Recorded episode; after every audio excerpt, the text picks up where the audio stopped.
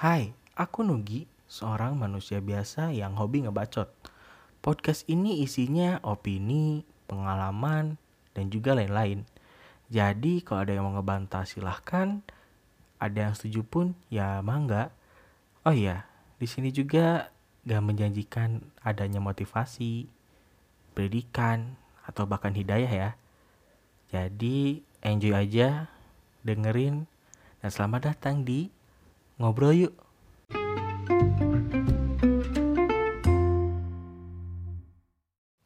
Halo, balik lagi nih kak ya di podcast saya nih.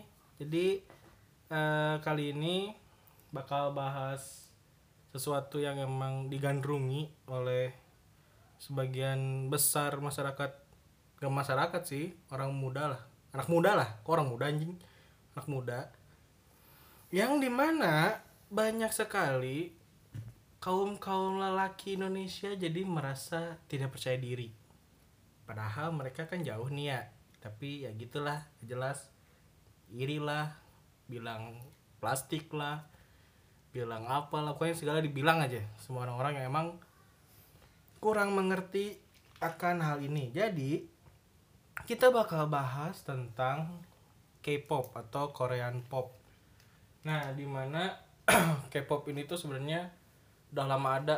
Jadi dari tahun 1930 nah pertamanya ada itu karena eh, J-pop atau Japan pop itu masuk ke eh, Korea. Jadi mereka kayak ngerasa apa ya tersaingi lah. Makanya ngebuat sebuah aliran juga dengan nama K-pop. Nah eh, yang pertama kali memperkenalkan itu dari SM Studio. Bentar ya sambil baca nih kak ya. Namanya Lee Suman yang mendirikan SM Studio di Gangnam Seoul pada tahun 1960-an lah. Pokoknya dia berjaya sampai lama-lama berdekade-dekade gitu sampai sekarang yang bisa mempengaruhi eh, seluruh dunia. Gimana nggak seluruh dunia ya? Orang fans K-popnya aja bisa sampai luar negeri gitu. Padahal kan mereka nyanyi pakai bahasa Korea tapi nggak tahu kenapa orang-orang itu pada suka. Entah dari musiknya kah entah dari mananya kah. Tapi apa ya ya mungkin yang menarik tuh fisik mereka sih. Karena kan tahu sendiri ya K-pop tuh orang-orangnya kalau cowoknya ganteng gitu. Terus kalau ceweknya cantik sama lucu gitu. Mungkin itu pengaruh yang besarnya juga sih. Tapi sedihnya K-pop ini tuh dipandang cuma dari fisiknya doang. Nggak nggak apa ya nggak musik gitu sedihnya itu doang. Nah karena saya kurang apa ya kurang mendalami perkepopan ini maka saya mengajak menga- mengajak mengajak mengajak teman saya yang sudah lama eh, berkecimpung lah di dunia K-pop. Atau di tahun berapa pokoknya dia lama banget lah. Dari sebelum zaman Nabi kayaknya jadi ya langsung aja nih selamat datang Dani Oh iya, halo. Selamat jadi malam. Dani eh selamat malam nggak tahu nih yang denger jam berapa bodoh Oh iya, ini jam berapa? jam setengah sembilan malam. ya ya setengah saya malam tapi kan nanti di share nya nggak jam Oh iya iya, oke oke. jadi ya eh, ini bukan live kak Oh iya iya, baik baik baik. jadi ya jadi Dan ini seorang apa sih Dan kok bisa ada di sini sih Dan Jadi gini, saya itu adalah seorang laki-laki ya baru lulus, tapi untuk konteks ini saya perkenalkan diri sebagai seorang fanboy dari Korean culture atau atau sama ya termasuk K-popnya juga. Sebenarnya saya nggak begitu suka dengan culture-nya, cuma awal kenal awal tahu Korea pun dari K-pop sendiri gitu. Hmm, oh jadi lebih ke culture-nya ya Eh, kalau culture kurang cuma saya lebih interestnya di K-popnya aja. Oh kebalik berarti saya Iya. benarnya nah eh, menurut Dan ini kenapa sih di Indonesia bisa apa ya masuk gitu masuk ke telinga orang Indonesia tuh karena apa sih? Atau karena atau kenapa K-pop di Indonesia tuh sangat sangat sangat sangat booming gitu deh? Gimana ya eh, awal tertarik karena K-pop itu dulu sebenarnya gara-gara sepupu Hmm. eh ya jadi sering liatin videonya tapi belum begitu tertarik cuma jadi tahu gitu tahun oh berapa itu tahun berapa sebenarnya tahu awal tahunnya tuh waktu kelas 4 SD tahun berapa 4 SD berarti tahun 2006 Eh, Iya, iya sekitar, Ya, ya, sekitar lah. sekitar lah, sekitar Udah lama nih kan 2006. Iya. Tapi nggak begitu memperdalam, cuma waktu SMP aja sih jadi hmm, tambah malah malah suka gitu. hmm. Menurut saya sih kenapa K-pop ini begitu kayak booming gitu di Indonesia karena apa ya? Karena mungkin kalau saya pribadi menurut saya eh, ketika udah tahu si K-pop ini eh, musisinya itu kayak gimana, gimana mereka bikin lagu, musik atau karya-karya dan banyak prestasi gitu mungkin ya nggak jauh juga dari inspirasi dan ya ketertarikannya mungkin kalau buat saya sih secara visualnya mereka itu cuma kayak bonusnya aja sih. Tapi ya nggak munafik juga kadang lihat girl group gitu nari-nari kayak lucu suka kayak gitu deh. Kalau bedanya girl group sama idol group atau sama aja? Sebenarnya kalau di Korea itu boy band itu setahu saya nih kalau Hmm. boy kan ada boy group girl group eh, boy band sama girl band girl band terus idol group kan Hmm.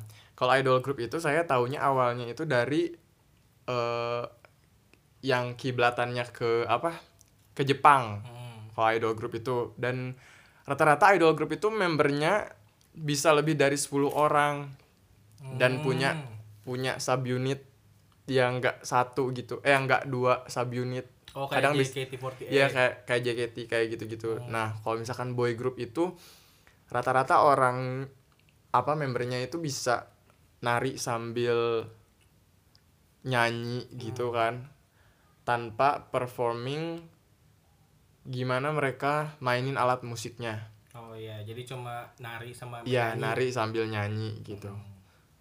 Terus kalau misalkan yang girl band atau boy band gitu biasanya mereka main alat musik buat di performnya di acara awards kayak gitu-gitu. Biasanya Oh. kalau boy band atau boy Hmm. group itu jelas beda jadinya. oh tapi kan dulu Smash terus Icon ya apa Seven Icon Iya.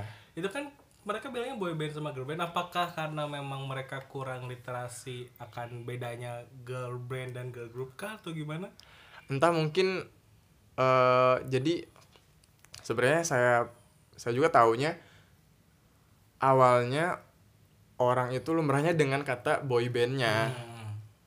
Dan di Indonesia waktu mulai makin masuk ya Hmm. eh, budaya-budaya K-popnya itu. Hmm. Jadi mereka pakai kata boy band sama girl band gitu. Hmm. Tapi mungkin bisa juga sih kayak gitu. Kan di barat pun ada yang namanya boy band kayak Westlife Westlife, terus eh boy to boys eh apa iya itulah ya pokoknya ada deh ya. lah pokoknya Lupa. lah. Kayak gitu. Mungkin Oh. kiblatannya itu nggak begitu ke Korea gitu. Oh, jadi emang mungkin emang klasifikasinya sebenarnya ada khusus ya yang, Iya. yang mana nari sama eh, nyanyi, Iya. mana yang emang ada nari, nyanyi sama megang alat musik gitu. Iya betul. Oh. Kirain tuh emang mungkin enggak kirain tuh emang boy band tuh emang ya udah nari sama nyanyi. Terus nih ya eh, di Indonesia kan cukup apa ya cukup ramai lah sama K-pop ini kan. Mm-mm. Nah, menurut Dani nih, ini negatif atau positif sih? Apa ada keduanya? Kalau ada keduanya tuh apa gitu? eh gimana ya beberapa hari lalu saya mikir kalau misal ini agak OT sih cuma ya Hmm. mikir aja gitu tapi ada sangkut pautnya Bisa mikir ya, bisa. alhamdulillah bisa mikir sudah 22 Man- tahun Waduh, baru baru bisa baru, Baru- bisa. baru bisa. otodidak jadi eh beberapa hari ke belakang itu lagi ceritanya lagi ngomongin reinkarnasi kan Hmm. Nah terus ditanya gitu, dan nih kalau misalkan kau besok mati, terus ada kesempatan buat reinkarnasi, Hmm. pengen jadi orang kayak gimana? Oh, mantap. Otomatis nih, Hmm. refleks, langsung jawab, pengen jadi orang yang gak kenal K-pop. Soalnya apa ya? Susah banget, jadi kalau misalkan ditanya kenapa pas hidup lagi nanti gak mau jadi orang yang tertarik sama K-pop Hmm. soalnya K-pop tuh buat saya sih bener-bener susah dijauhi ya kayak mau denger lagu apa pun selain K-pop pun kalau misalkan kita buka media player pun ah, yang awal diputar itu pasti K-pop. lagu K-pop lagi gitu Oh. jadi mungkin Adiktif banyak ya, iya ediktif sekali Oh. bener-bener tapi bu, sejauh ini sih buat saya pengaruhnya itu banyaknya positif sih Hmm, Tapi kalau misalkan dilihat dari Indonesianya sendiri keseluruhan gitu, bukan buat Daninya.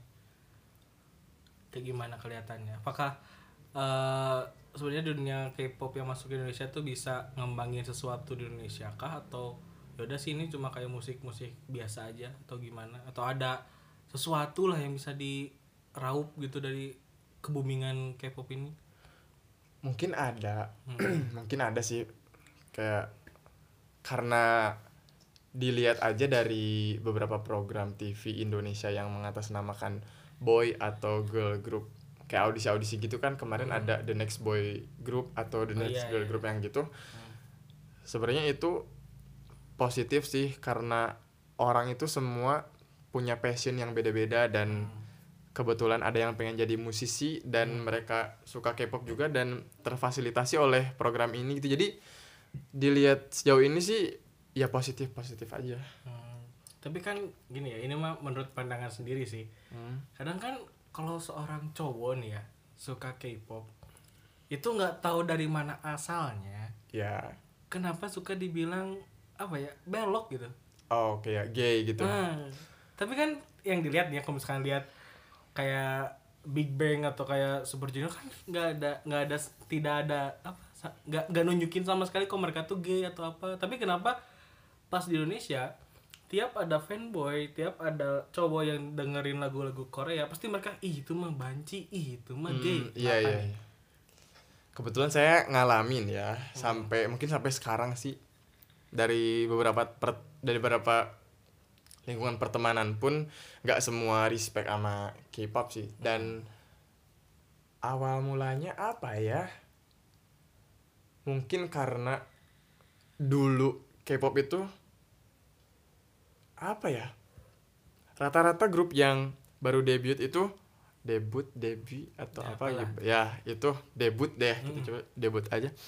Baru debut itu biasanya menerapkan konsep cute. Jadi seakan kok cowok tuh pada kayak gini. Awal lihat pun awal lihat apa ya grup-grup yang baru debut pun yang cowok aja. Kayak ih geli gitu tapi setelah di comeback selanjutnya enggak mereka enggak nerapin terus konsep cute mungkin dari situ sih awalnya karena Hmm. mereka dari ya of course ya dari penampilan dari dari lagu yang mereka bawain pun nggak semua upbeat Hmm. yang kayak gimana gitu lah Tapi kan emang ya namanya K-pop ya eh beda. Maksudnya itu kan gen, gen- genre sendiri gitu. Iya. Maksudnya ya gimana genre mau kayak gimana lah. Jadi Iya. pasti ngikutin stylenya kan. Tapi Iya. kenapa kenapa bisa mun eh, maksudnya kenapa sih harus dibilang banci, harus dibilang gay gitu? Emang mungkin ya, karena kan eh, saya nggak tahu nih kehidupannya kayak gimana. Mungkin apakah emang eh, mereka sendiri itu emang gay atau enggak? Mereka tuh idolnya ya. oh idolnya Hmm. Atau emang ada yang gay tapi orang-orang nggak tahu tapi ya nunjukin lah gitu. Eh, sejauh ini selama jadi fanboy Hmm. pernah juga lihat artikel kalau nggak salah di All K-pop atau ya di salah ah sorry menyebutin di salah satu media eh, apa ya media berita K-pop Nah. gitu. Jadi ada thread juga yang nunjuk yang apa ya yang ngebahas beberapa idol yang kelihatannya mendukung LGBT community yang kayak gitu-gitu. Dan ya ada beberapa yang diduga. Dan emang kalau misalkan dari behave di reality show atau di on air kamera tuh ada yang bisa lebih berani kayak gitu Hmm. Jadi ya nggak menutup kemungkinan ada faktor dari idolnya sendiri ya. Iya. Kenapa dibilang gay, kenapa? Tapi kan emang apa ya? Kalau dilihat-lihat nih tampilan orang-orang ah, orang-orang lagi idol-idol sana kan rambutnya diwarnain, Iya. terus bibirnya merah. Ya mungkin orang Indonesia terbiasa dengan yang ya aneh. iya. Terbiasa dengan yang ngerti hitam saya. semua gitu. Iya iya iya. Rambut hitam pokoknya nggak ada yang warna-warni lah. Ya sebenarnya itu eh, tergantung ke kaliannya ya. Tapi sebaiknya jangan apa ya jangan jangan ngejudge dulu lah. Kalian juga bukan Tuhan gitu. Iya betul. Nggak nggak apa nggak baik gitu ngejudge ngejudge kayak gitu tuh. Iya betul betul. Terus kan nih ya ini selalu pengen ketawa nih gue bahas ini. Nggak tahu kenapa fans K-pop kalau misalkan disindir idolnya Hmm. mereka yang nyerang gitu bukan bahkan ya walaupun si fansnya ini ngebela Iya. walaupun eh, dulu pokoknya ngelakuin hal apa pun itu idolnya nggak mungkin denger kali iya nah Iya, terus kenapa sih exactly. harus ada bersikeras membela idol yang tidak mendengar di sana Ya, nah ini sebenarnya yang bikin nama fangirl atau fanboy di Indonesia tuh nggak baik juga ada Hmm. ada. Jadi dipandang berapa persen nggak baik gitu. Karena apa Hmm. ya? Eh, sebagai yang mengalami pun Hmm, dulu kayak waktu masih SMP gitu hmm. yang namanya bener-bener hype itu ya kayak idol ini punya gua gitu. Ngerasanya kayak gitu dan gak munafik untuk menutup. Ya jadi apa ya orang itu kalau misalkan udah suka sama sesuatu atau seseorang ketika sesuatu atau seorang itu dihujat. di apa ya dijelek-jelekin lah ya istilahnya. Kayak gitu pasti kita ngebela kan istilahnya kayak gitu. Tapi buat kalau misalkan orang yang udah ngerti kayak ini orang yang kita bela itu mereka nggak denger bahkan nggak tahu kita Iya. hidup atau enggak gitu. Kayak Hmm, gitu. Hmm. Jadi mungkin apa ya? Hal yang bikin kita bener-bener buang-buang waktu kayak gitu. Dan gimana pun idol kita kalau misalkan kita suka Hmm. kalau saya sih sekarang lebih kayak kasih dukungan aja karena mereka pun butuh perhatian dari banyak orang. Kayak gitu kan nggak semua idol kuat dan nunjukin kalau mereka bisa nahan apa ya hujatan kayak gitu-gitu dan mungkin buat orang-orang yang suka menyerang ya kasarnya tuh orang-orang yang suka menyerang orang yang menyinggung idol mereka. idol mereka atau K-pop lah gitu ya Hmm. mungkin rata-rata dari mereka emang mereka emang mbak sebenarnya banyak juga kok sesama fangirls sama fanboy yang bilang udahlah gak usah dilayanin itu immature gitu. Hmm. kayak bener-bener fans yang belum tahu mereka tuh belum sebenarnya belum jauh gitu di apa sih suka sama idolnya itu sebenarnya mereka belum jauh kayak newbie gimana. gitu ya newbie. Iya kayak istilahnya ya masih amatir lah gitu masih noob gitu. Oh, waduh noob kayak pemain gitu. Iya. tapi ya emang apa ya kalau menurut eh, saya sendiri kayak agak ganggu sih. Jadi ketika apa ya kayak misalkan nih ada jeruk sama tomat. Nah ketika ada orang yang suka jeruk terus di apa ya dibully lah dibully sama eh, yang suka tomat kenapa yang suka jeruk tuh malah harus sampai ngejelek-jelekin yang tomat itu agak apa ya ganggu aja gitu ngelihatnya? Padahal kan ya benar tadi kata Dani bilang idol aja nggak tahu loh kalian hidup gitu. Nggak tahu kalian ada. Ini malah berusaha sekeras mungkin untuk eh, menyerang gitu. Malah malah sampai kadang ada yang menjatuhkan juga kan. Hmm, padahal kayaknya nggak perlu deh kayak gitu gitu kan. Iya iya. Emang saya sendiri juga suka gitu ya sama K-pop cuma sukanya tuh nggak maaf nih ya maaf buat orang yang ya gitulah maaf gitu. Nggak sampai kayak berlebihan nggak sampai kayak Iya. menganggap kadang kan kalau K-pop eh, fansnya saya lihat nih ya banyak yang kayak wah dia tuh punya saya nih iya. Nggak boleh nih kalau dia apain nih awas Ada. nih awas Iya, nih. iya. sampai bahkan berita yang emang mencoreng eh, nama idol tersebut sampai dihujat lah sampai diminta di ban lah. Padahal kan ya gimana gitu emang keadaan yang kayak gitu kenapa harus dihujat? Bukannya disemangatin. Makanya ini cukup apa ya cukup menyedihkan lah untuk para fans K-pop kali ya. Karena banyak sekali idol yang memutuskan untuk mengakhiri hidupnya. Iya. padahal eh, gak seharusnya kayak gitu. Padahal Iya. masih bisa dibantu masih bisa disupport. Nah terus pandangan apa ya? Pandangan Dani sendiri nih tentang apa? Eh, toxic fans itu bagusnya bagusnya nih ya bagusnya digimanain sih? Apakah harus disadarkan kah? Atau udahlah jangan ngefans. Se- sebenarnya di setiap fandom itu pasti ada fans yang toxic kayak gitu. Hmm. cuma nggak semua orang pun bersahabat sama orang itu. Kalau misalkan saya ya beruntungnya ya nggak punya temen yang toksik kayak gitu malah kalau misalkan di satu circle itu semua fan atau ya suka sama K-pop itu malah kita tuh apa ya malah jadi damai nggak ada perang-perang atau gimana. Hmm. nggak pernah ada nyinggung masalah prestasi artis atau artisnya sendiri kayak gitu. Dan mungkin buat mungkin maksudnya buat ini ya apa menang Hmm. mengha- menyikapinya Iya, gitu. cara nyikapi biar biar banyak orang yang sadar gitu. Kalau misalkan ya toxic itu ya udah toxic gitu udah gitu. Gimana nih? Menurut dari fans K-pop sendiri yang sudah lama. Kalau saya sih eh, buat fans yang toxic gitu jujur nih nggak munafik ya. Emang kadang kalau misalkan ada satu fans atau misalkan ya ada beberapa fans toxic gitu lagi beraksi nih lagi kayak nyerang fandom lain kah atau nyerang kadang ada yang nyerang sesama fandomnya sendiri kan. Gitu. Malah kayak dari saya aja suka ngeliatinnya malah jadi buat tontonan aja sih biasa kayak gitu. Dan kadang dipanas-panasin juga biar makin hancur soalnya apa ya?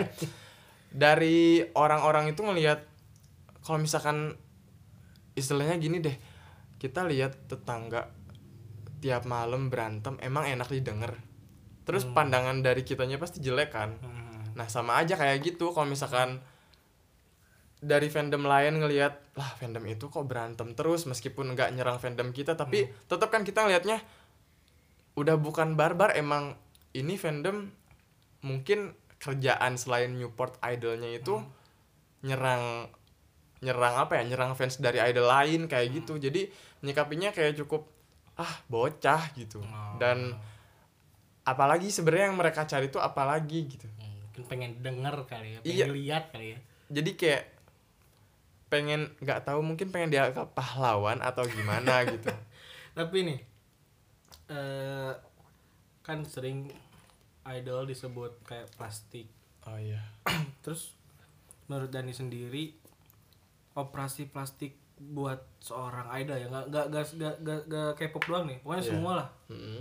yang terkenal menurut Dani gimana gitu apakah ya udah sih boleh gitu untuk menunjang apa gitu menunjang karir atau apa menurut Dani sendiri nih gimana nih buat operasi plastik hmm.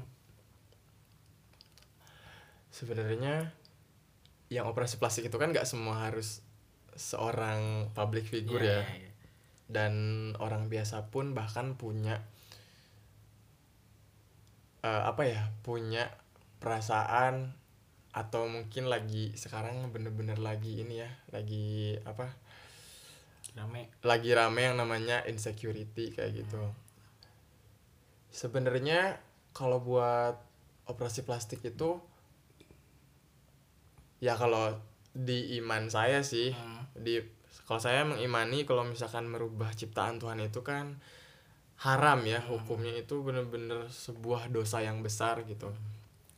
Tapi kalau misalkan buat seorang musisi atau public figure gitu ya itu tetap sih balik lagi ya udah sih urusan urusan dia sendiri gitu loh. jadi Dani tidak memper, memers- mempermasalahkan tidak pernah mempermasalahkan penampilannya mau kayak gimana pun toh awal gini deh eh penyanyi penyanyi di luar K-pop yang kita biasa denger lagunya Hmm. bahkan orang yang denger pun kadang baru tahu kalau penyanyinya itu penampilannya kayak gini Hmm. kayak gitu sering kan kayak gitu Sering, kan sering, dulu sering, sering.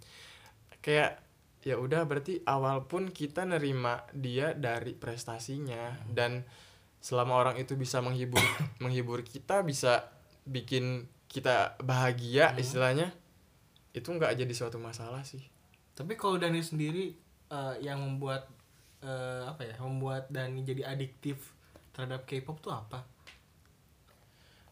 karena apa ya rasanya K-pop itu genre yang versatile gitu kayak bisa ke EDM bisa nggak tahu nih bukan music apa expert tapi Iya, iya. ya kita sebut aja gitu kalau K-pop sekarang kan nggak semua beneran di K-pop gitu. Dari debut aja mereka bisa ada yang langsung EDM bahkan jadi rookie monster di sana. Kayak contohnya kita bawa Blackpink aja. Mereka nggak munculin konsep yang cute kan di awal. Iya iya iya. nah itu yang bikin K-pop itu nggak bikin bosen. Dan setiap ada apa ya setiap ada grup baru pun kita pasti ah ini kayak gimana nih? Hmm. kayak gitu. Dan apalagi ketika konsep yang dibawain sama grup-grup baru itu bener-bener beda dari grup-grup yang sebelumnya gitu dan itu yang bikin K-pop tuh susah buat dilepas karena nggak pernah bosenin kayak gitu Oh, karena mungkin kalau misalkan contoh apa ya? eh, dangdut lah. Kalau dangdut Iya. kan gitu-gitu terus. iya gitu-gitu terus Nah, kalau K-pop sendiri tuh jadi eh, bisa apa ya? Bisa kayak dirubah-rubah ya. iya bisa jelas bisa dan Terus ini ya yang zaman sekarang nih grup yang Iya. bener-bener K-pop banget grup apa? Apakah masih ada kah atau udah nggak ada sih sebenarnya gitu? sebenarnya gimana ya Karena kan udah banyak yang campur kan, kayak campur EDM lah, campur sama oh iya lain lah gitu. Tapi yang bener-bener emang K-pop banget gitu. Ya, ada beberapa saya pernah lihat sih di di acara music show gitu kan suka ada rookie yang namanya rookie itu yang orang-orang yang baru debut gitu Hmm.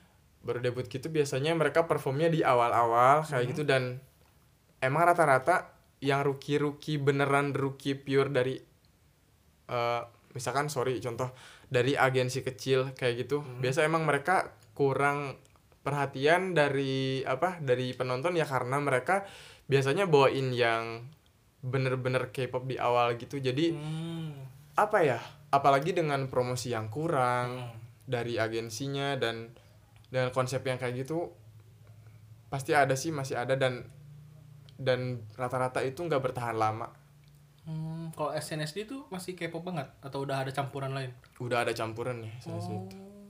Jadi ya jadi eh, sebenarnya berarti di K-pop sekarang tuh malah udah udah beda sama yang dulu ya. Jadi, jelas beda jadi bisa apa ya? Bisa mengikuti zaman iya sebenarnya kan? bener-bener Oh, kirain tuh ya yang namanya K-pop ya bakal terus kayak gitu. Malah baru tahu nih kalau misalkan K-pop eh, bisa dimasukin apa, bisa dimasukin ini, masukin itu.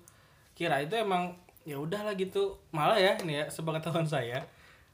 Malah K-pop tuh ya udah nari sama nyanyi. Gitu doang sebenarnya. enggak jelas enggak Oh, jadi ini ya banyak insight-insight yang menarik ya. iya jelas Nah, terus nih eh kan katanya K-pop adiktif. Mm-mm. Seadiktif apa sih? sampai mana sih mengadiktif Anda tuh sampai mana nih? sampai mana ya sebenarnya bingung kalau misalkan sampai mana itu berarti ada tahapan kan Hmm. cuma yang Seadiktif apa deh gitu deh? Seadiktif apa deh? Apakah sampai eh, kayak kan kan tahu ya kalau misalkan eh, kayak apa grup suka ada light stick, album, terus apa-apa itulah pernak-pernik lucunya mereka lah. Apakah sampai membeli hal-hal seperti itu juga? Kalau saya sejauh ini cuma beli album sih. Udah itu pun satu kali dan kayak penasaran bener-bener penasaran gimana ya rasanya punya album sendiri. Habis itu kayak dua hari kemudian dijual. Jadi sampai saat ini nggak punya album? Nggak nggak ada nggak ada album sama sekali. Lightstick waktu itu pernah beli yang unofficial doang. Hmm. Bener-bener nggak ada waktu waktu waktu zamannya suka EXO pun waktu belum keluar Lightstick officialnya saya belinya yang kayak stick stick Biasa lagi. jackety gitu Oh. kayak gitu biasa aja belinya kayak gitu dan itu pun sampai sekarang ketika EXO udah jauh ke mana-mana Hmm. nggak pernah beli beli merchandise Tapi sampai saat ini tetap setia ke K-pop walaupun nggak beli alat-alat eh, alat-alat lagi nggak membeli pernak-pernik. setia banget Sangat yakin ya jawabannya ya. iya iya Tapi eh, kalau misalkan kan tahu sendiri ya kalau misalkan konser-konser eh jangan konser pernak-pernik mereka kan cukup price ya maksudnya cukup mahal Pricey. gitu Iya. mahal mahal. Nah eh, kan banyak nih anak muda kayak SMP terus kayak masih ya masih bergelantung lah di orang tua lah. Iya. Kan banyak tuh yang eh, suka ngoleksi kayak gitu nih. Nah menurut Dani nih ya kalau kalau misalkan yang masih muda yang masih bergantung ke orang tua terus pengen apa ya pengen jadi fans K-pop nih sebaiknya mulainya dari mana? Apakah ya udah gitu nggak apa beli aja kalau misalkan orang tuanya mampu beli aja gitu. Tapi kan kasihan gitu. Oke. Si kecil udah minta-minta gitu. Baiknya nih mulainya kayak gimana gitu? Kalau buat orang yang udah sadar kayak saya waduh. Ya jadi gimana ya?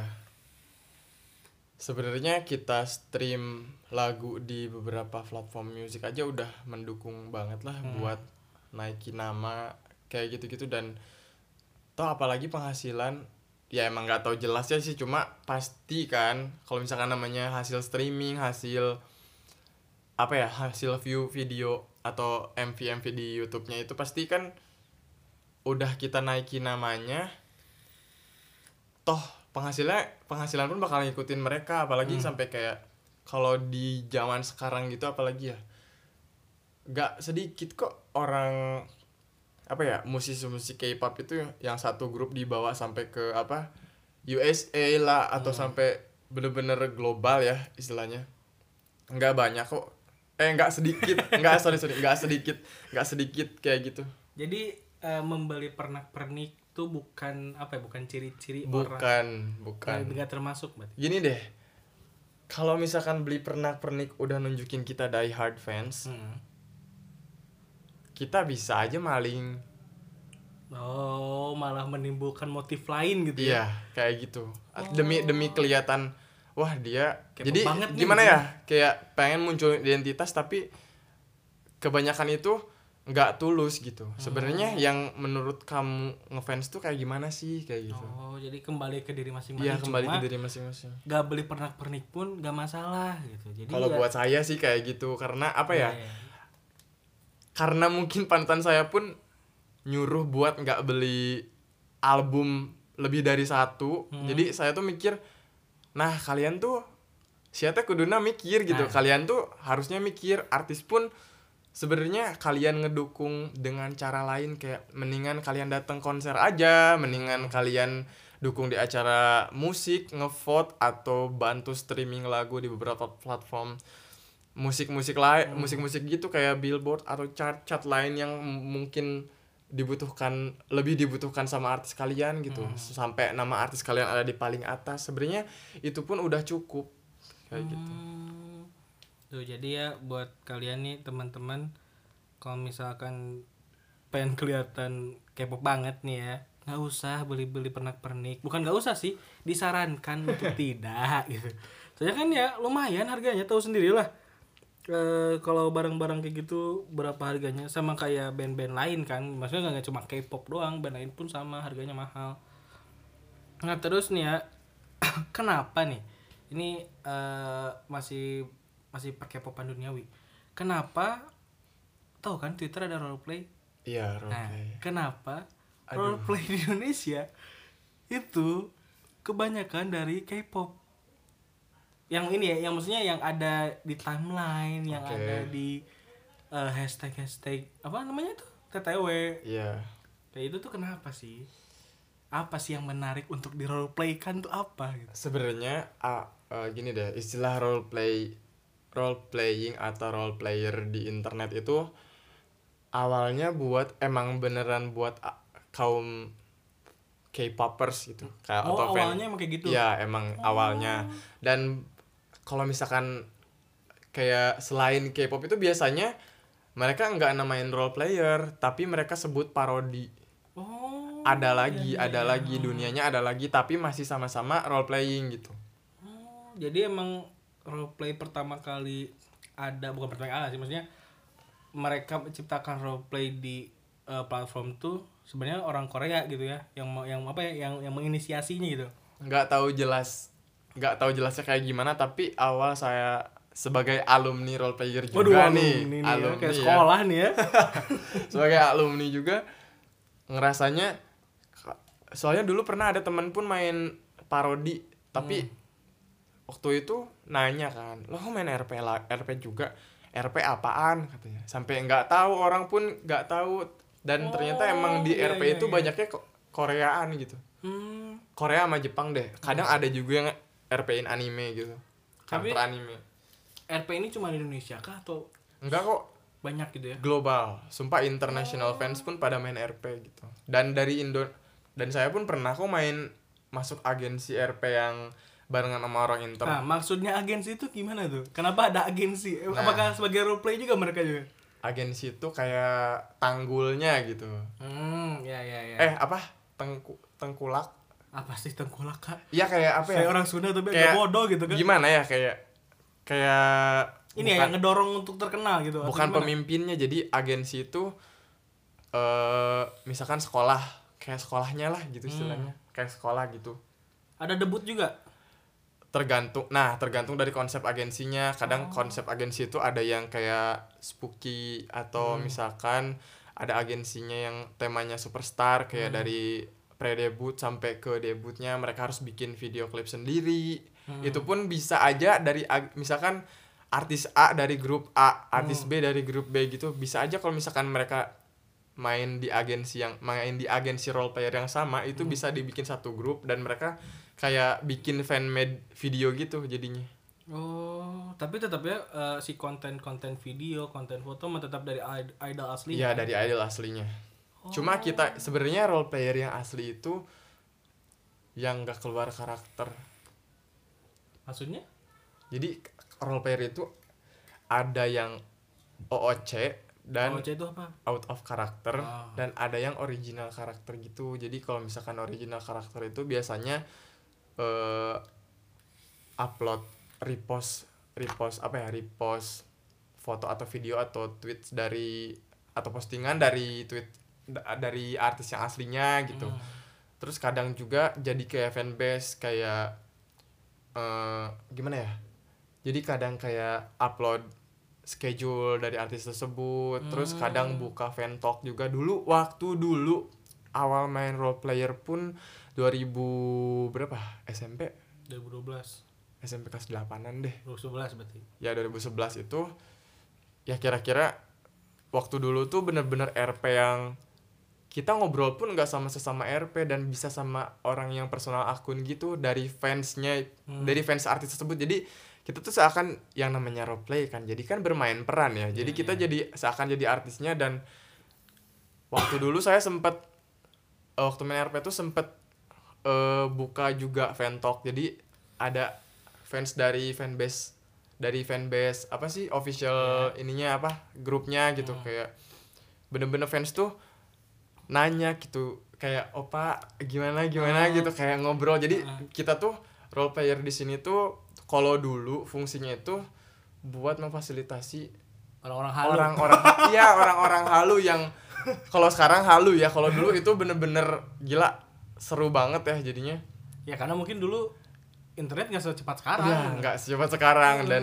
bener-bener kita memfas- memfasilitasi mereka buat ngobrol kita ngasih Oh. semangat seakan kita lagi ada di fansign gitu Hmm.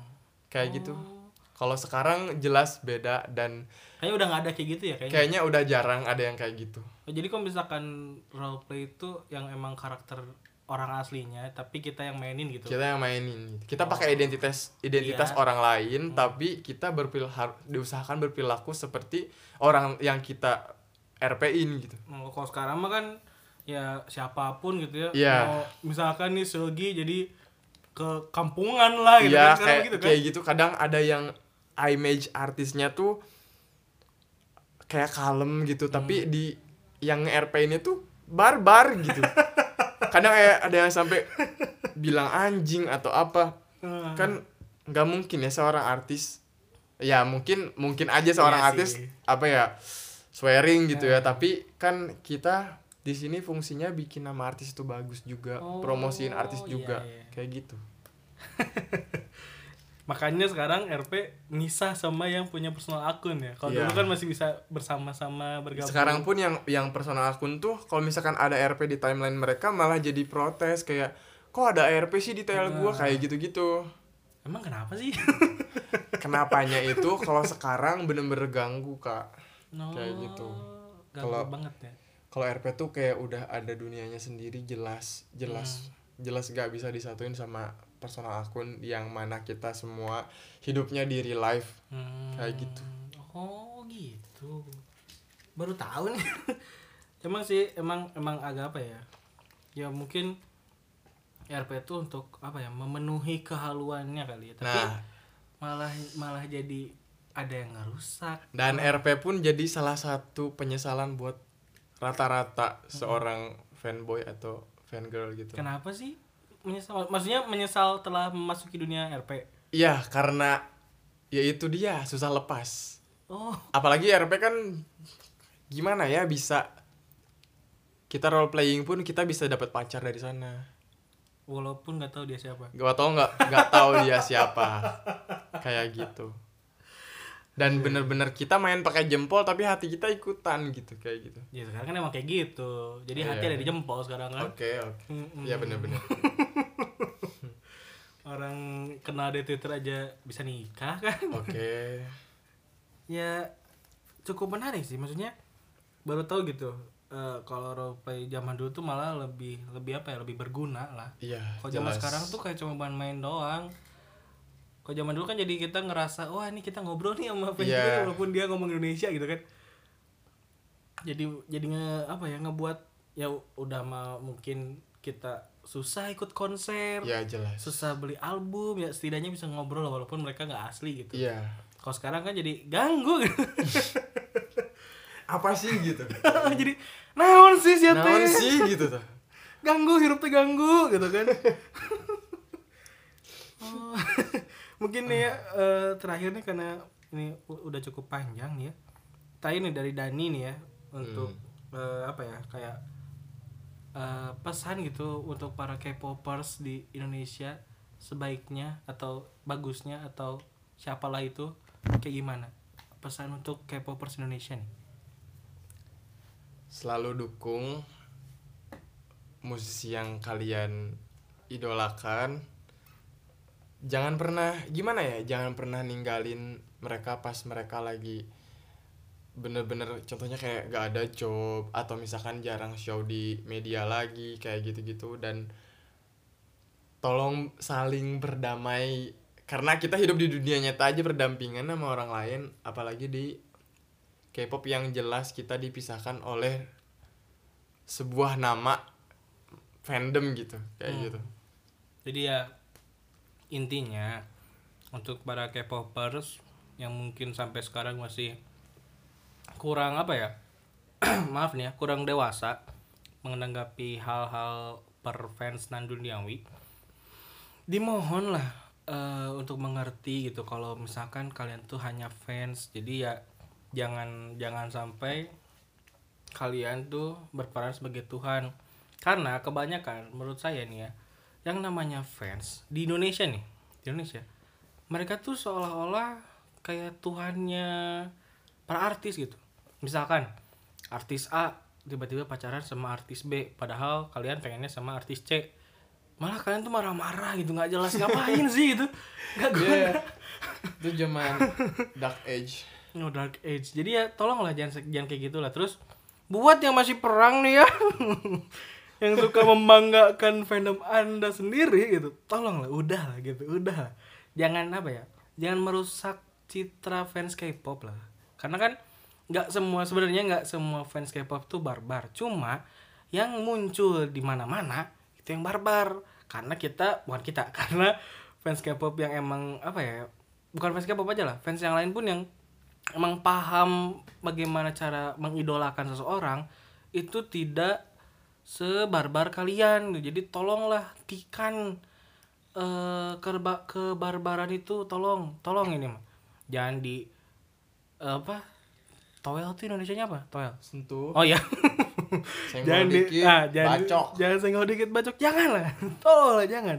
Jadi ya mungkin eh, segitu aja ya untuk podcast kali ini. Terima kasih Dani. Iya sama-sama. Sudah mau berbagi kehidupan K-pop seperti apa. siap Ternyata K-pop adiktif guys, jadi hati-hati ya yang mau coba-coba nih, hati-hati lah. mending ke K-pop aja daripada narkoba Nah, jadi mending K-pop aja katanya jangan narkoba. Jadi ya udah segitu aja. Terima kasih yang sudah mendengarkan. Jangan lupa galau, jangan lupa sedih karena galau dan sedih bisa membuat kalian lebih baik lagi. Selamat tinggal.